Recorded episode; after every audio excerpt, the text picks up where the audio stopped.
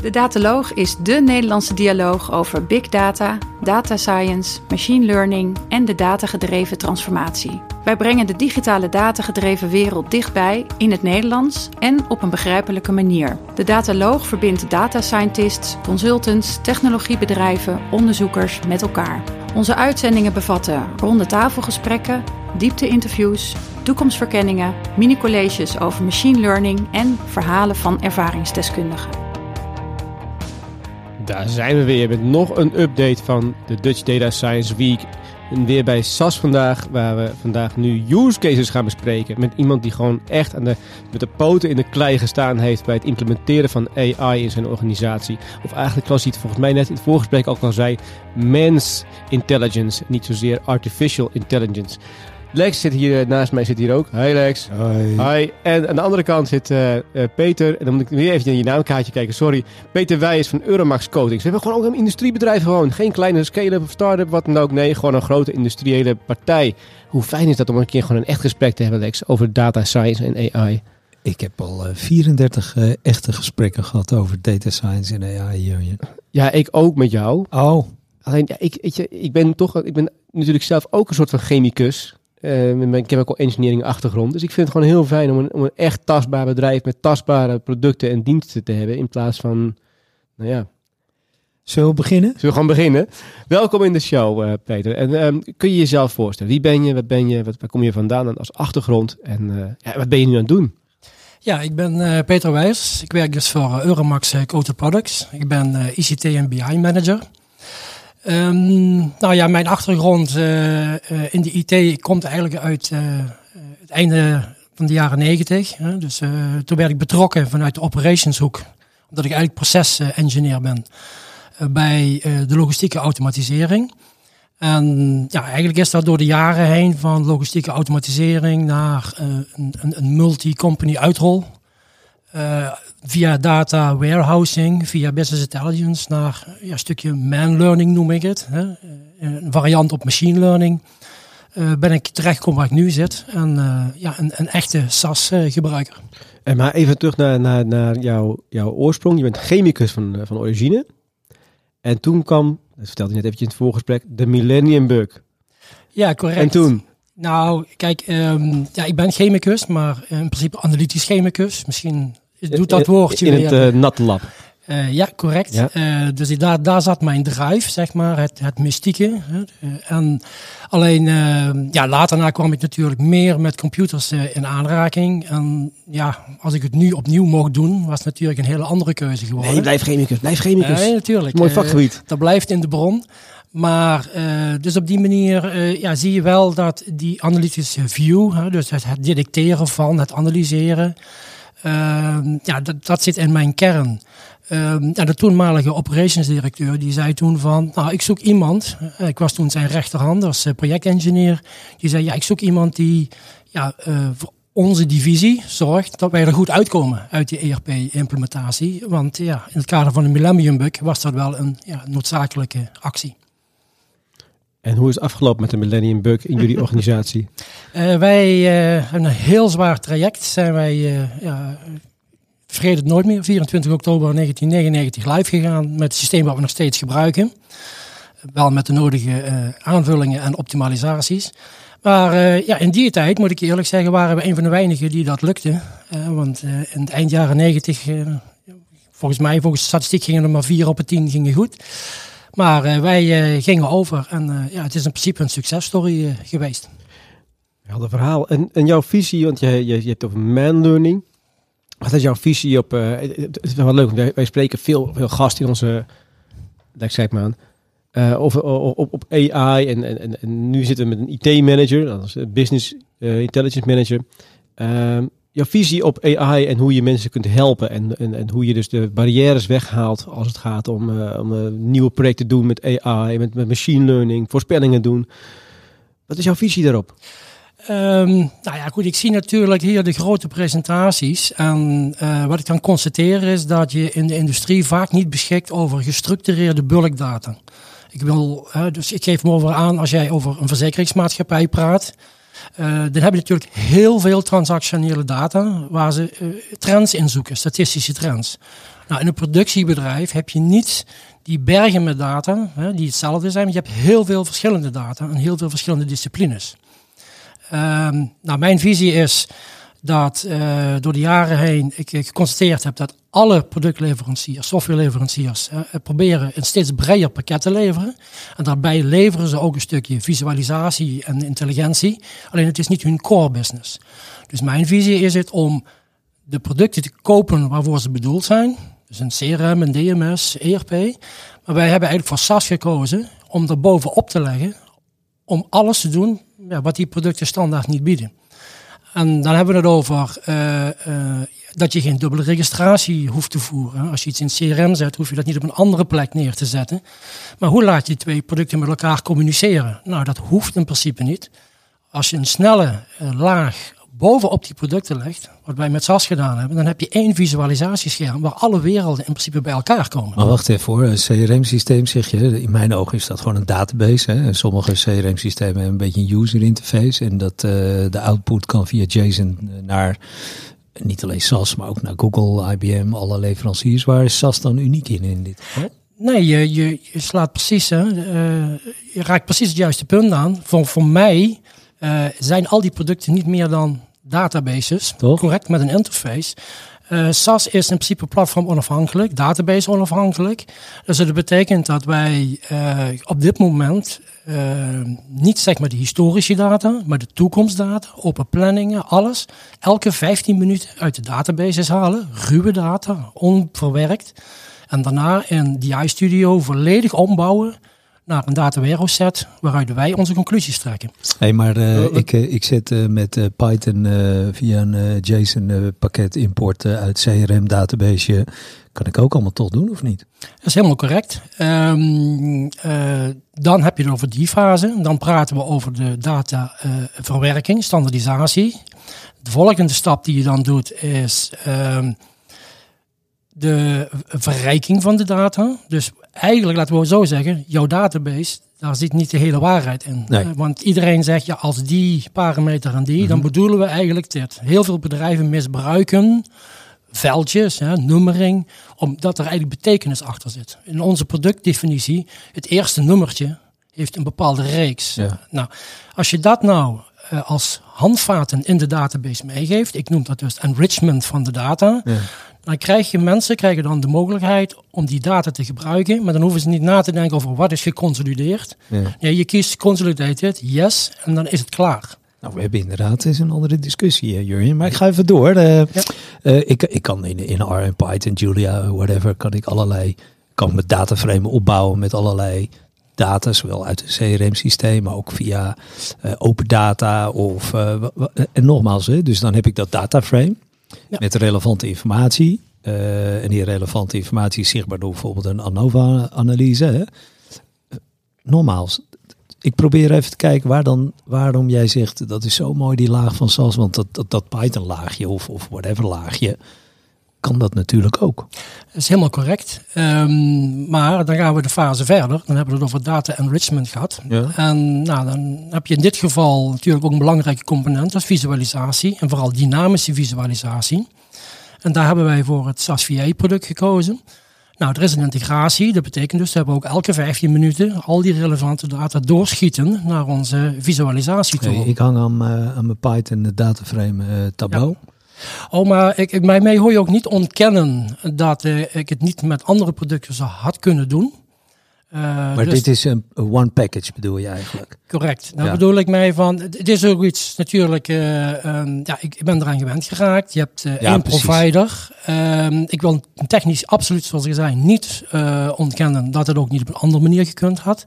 Alleen, ja, het is een all-in-one package. En zodra ik de data in die Studio klaar heb, kan ik hem ook in één keer doorschieten. En dat is wat je in de presentaties ook vaker ziet. Dat, uh, en zeker VAIA, zeg maar de nieuwe omgeving, is gewoon één groot platform.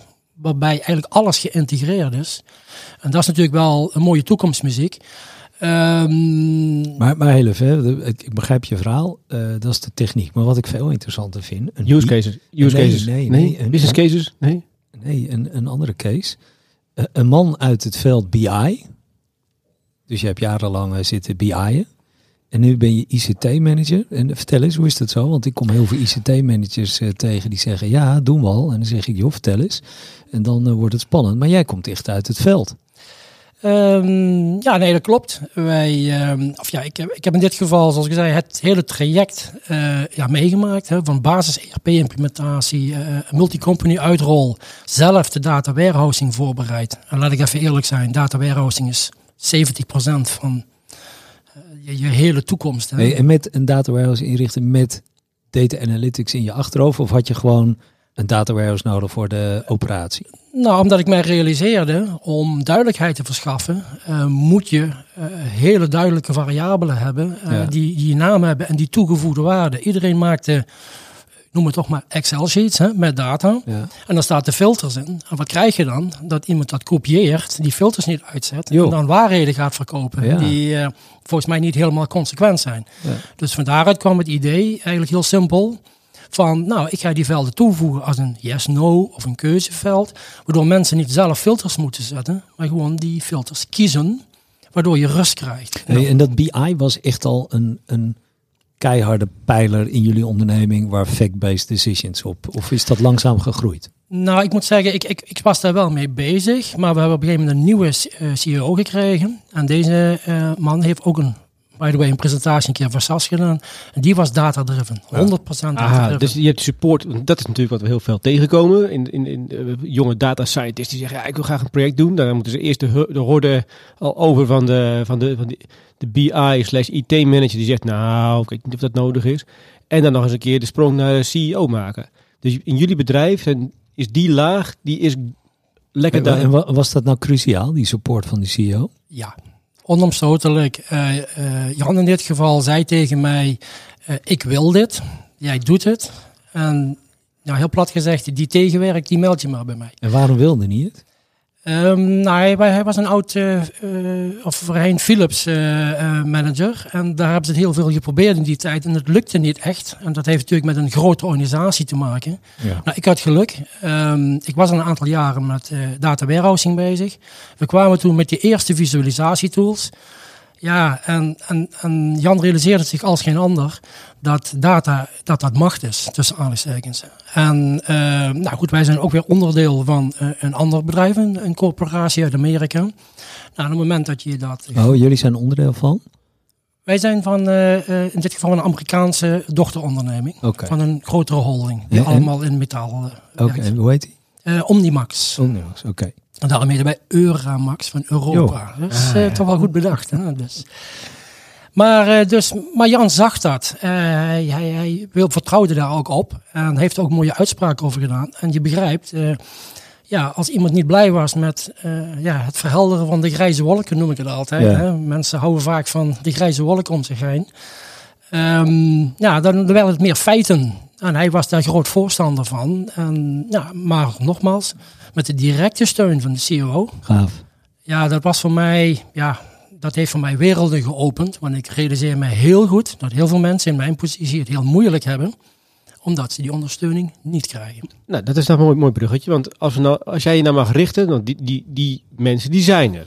Die uh, geen ondersteuning krijgen, in ieder geval van het hogere management, maar misschien ook wel niet van de werkvloer. Die zeggen, nee, ik wil me niet veranderen, ik wil niets leren, uh, Python, SAS. Uh, um, welk advies heb jij? Hoe gaan we, hoe gaan we, dat ik heb ook een tijdje geleden een, een dataloog opgenomen over de data-driven boardroom. Krijgen we die boardroom nou een beetje meer data-driven? Richt je tot de, tot, tot, tot de luisteraars. Hoe gaan we nou nou, ik, ik, ik, ik, laat ik zo zeggen, ik heb daar zo straks ook een toespraak over, maar ik zal het hier kort al uitleggen. Kijk, um, dit besluit van deze CEO was een superboost. Laten we daar duidelijk in zijn. Het enige wat je kunt doen is, uh, ik noem dat think big, hè, maar act small. Ja. Begin klein. Uh, zoek je een user case uit die je kunt overzien, die je kunt uh, bewerkstelligen. Dus waar je iemand duidelijk een uur per dag aan tijd kunt reduceren. Slavenwerk weghalen, zeg ik dan. Als je dat dan mooi maakt, dan gaat iets wat rondspreken. En op een gegeven moment ja, krijg je een kettingreactie, want andere mensen zijn natuurlijk niet dom. Die zien dat en die zeggen dan, hé, hey, maar dat wil ik ook. En dan moet ik je nog steeds erbij zeggen, dat zijn niet alle mensen. Er zullen altijd mensen zijn ja, uh, van verschillende pluimage die er anders over denken. Maar uh, ja, dat is de enigste manier. Uh, ja, ik noem het wel eens ja, data science prediken. maar ja, kom met kleine voorbeelden. Maak die steeds groter. En op een gegeven moment bewijs je dat je rust brengt. Heb ook spritten in de organisatie van waar liggen de pijnpunten? Waar hebben mensen discussies over de verschillende interpretatie van data? En als je daar de eerste stappen kunt maken, nou, laat ik zo zeggen, dan komt die kettingreactie vanzelf wel op gang. En dan uh, use cases en business cases. Moet jij nou iedere keer aan jouw CEO eh, uitleggen dat je, dat je zoveel uren gespendeerd hebt dat dit eruit gekomen is? Want het schijnt bij AI en machine learning heel lastig te zijn. Te zeggen, nou ja, dit levert het op.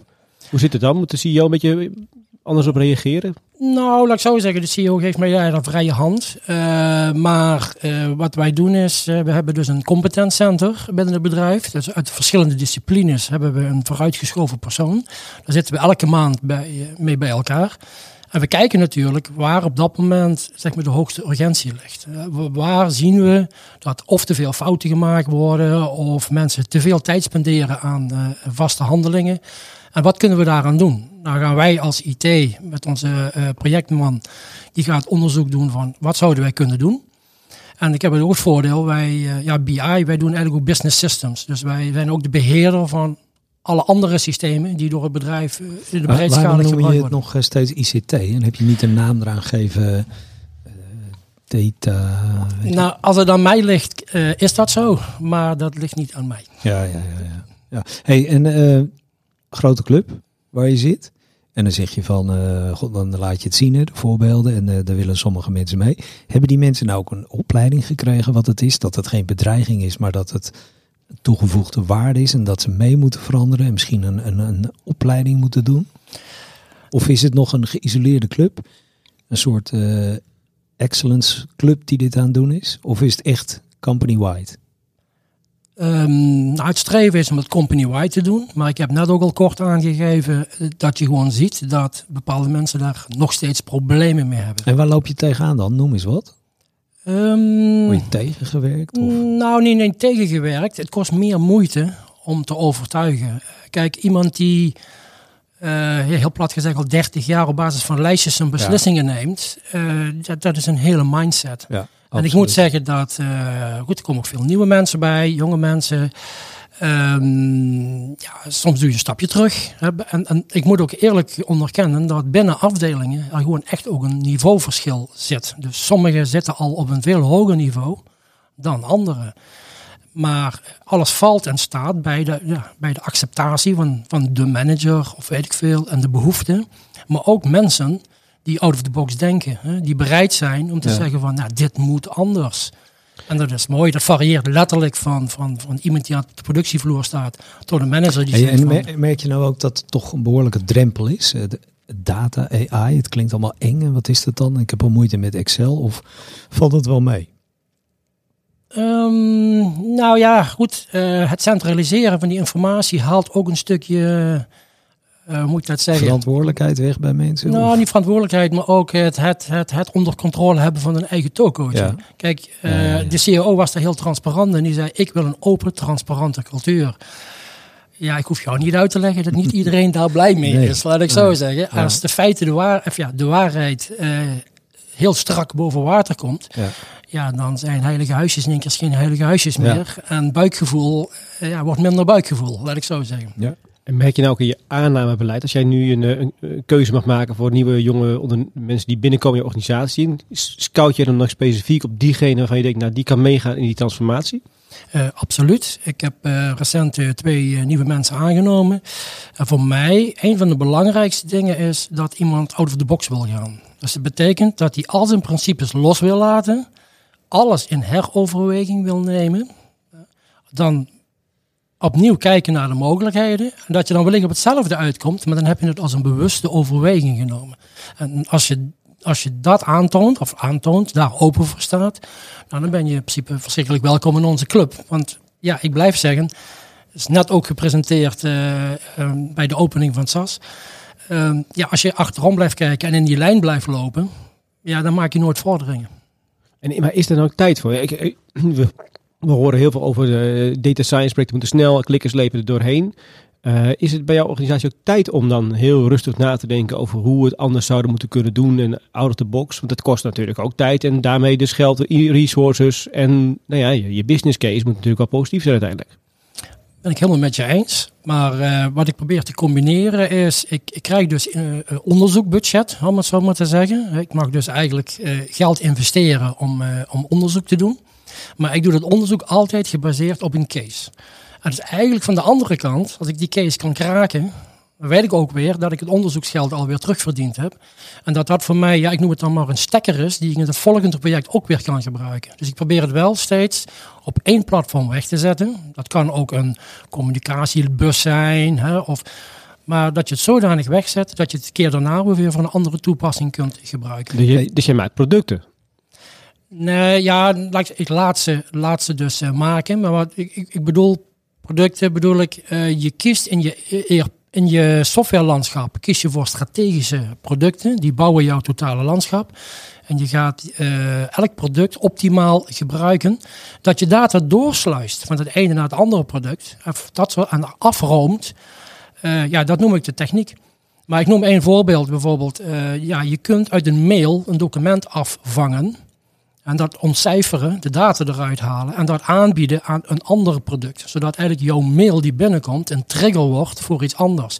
Ja, ga je dat zelf doen? Nee, want daar zijn gewoon enterprise service bus producten voor. En dat bedoel ik mee, je kiest voor allerlei oplossingen. We hebben hier een uh, specialist hier. We hebben gewoon echt iemand die het echt doet. Hè? Ja. Hey, als, ik, als ik nou uh, een aantal opties uh, voorleg, uh, en, en, je kijkt niet alleen naar de onderneming waar jij werkt, maar uh, je, je, denkt ook over de andere opties. Hè? Krijgen heel veel uh, ondernemingen die zeggen, joh Alex, help eens, hoe moeten we nou data-driven worden? Hè? Ik ga een aantal opties. Eén, jij wordt aangewezen en jij gaat uit de organisatie, je gaat in een innovatiecenter en je doet een t-shirt aan met ik ben hip. En je gaat mensen aannemen, want de cultuur van ons is niet zodanig dat de nieuwe dingen kunnen. Dat is optie 1. Ja. En je gaat in die optie ga je allerlei uh, data-driven business cases oplossen, die nieuwe producten, nieuwe ontwikkelingen. En oké. Optie 2 is um, uh, je wil snel starten. Uh, dus je gaat externe hulp zoeken met een partner. die je helpt met het bouwen van business cases en het nerdy gedeelte. En langzaam bouw je je eigen organisatie op en noem maar op. Of je begint helemaal zelf. Uh, dus je gaat zelf aan de gang, je gaat zelf de organisatie veranderen. Welke van de drie zou, laat ik zeggen, geef de ranking eens aan van 1, 2 en 3. Waar zou jij voor kiezen?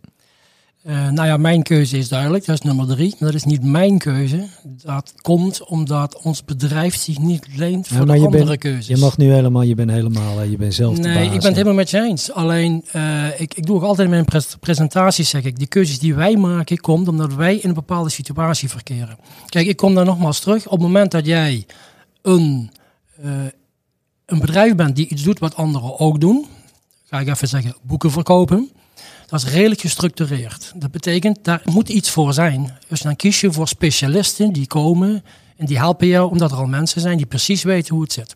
Nou, dat zie je het in de verzekeringswereld, in de bankenwereld, noem maar op. Daar zitten gewoon heel veel goede specialisten. Overigens, als je aan CEO's vraagt in zo'n business, uh, dit heb ik eerder gezien, dan weet je wat ze zeggen. Ja, ja. Nou, wij zijn zo uniek, Lex. Ja, correct. Ga door. Nou ja, uh, dus ik vind ons uh, uniek.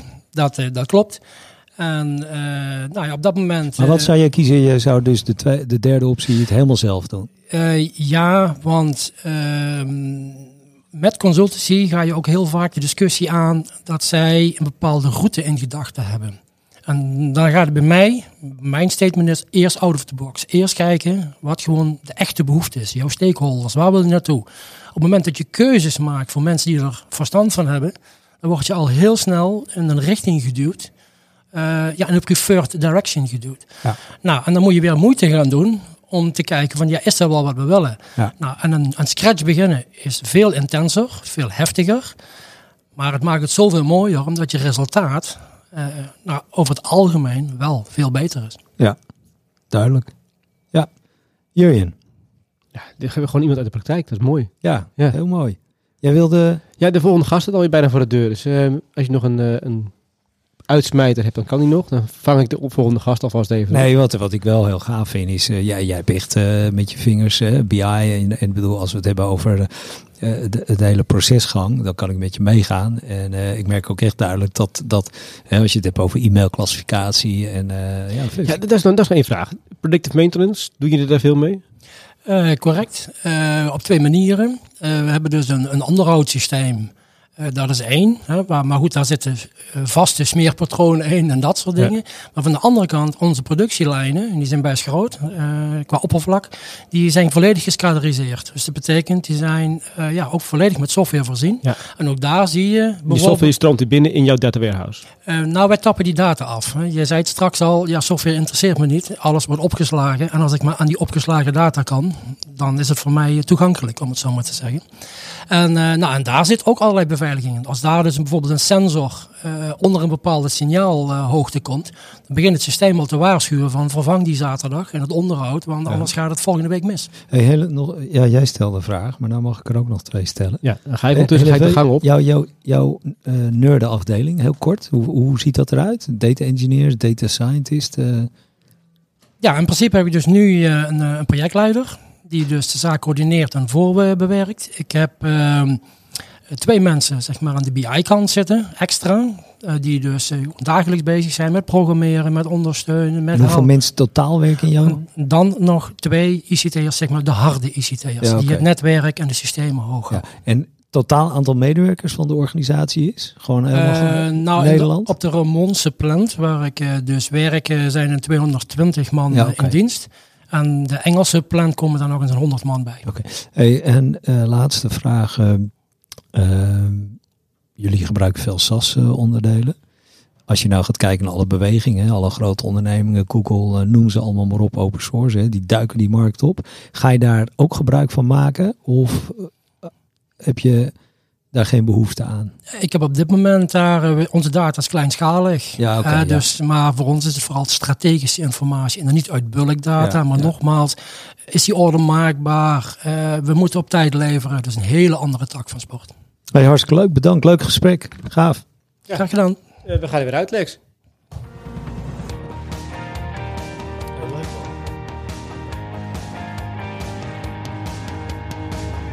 Bedankt voor het luisteren naar deze uitzending van de Dataloog podcast. Wil je automatisch wekelijkse podcast ontvangen? Klik dan op subscribe in jouw favoriete podcastprogramma. Vond je onze podcast leuk, goed, interessant of wellicht te veel ene en nullen? Laat een review achter of geef thumbs up. Heb je vragen of opmerkingen? Kijk dan ook eens op www.dedataloog.nl. Hier staan ook de show notes van alle uitzendingen. De studio van de Dataloog is gesponsord door het onderzoeksprogramma Urban Technology van de Hogeschool van Amsterdam. Alles wat we maken doen we onder Creative Commons. Je mag alles hergebruiken voor niet-commerciële doeleinden, zolang je ons als bron maar noemt. Volg ons op Twitter op @dedataloog. Graag tot de volgende keer en voor nu, tot data!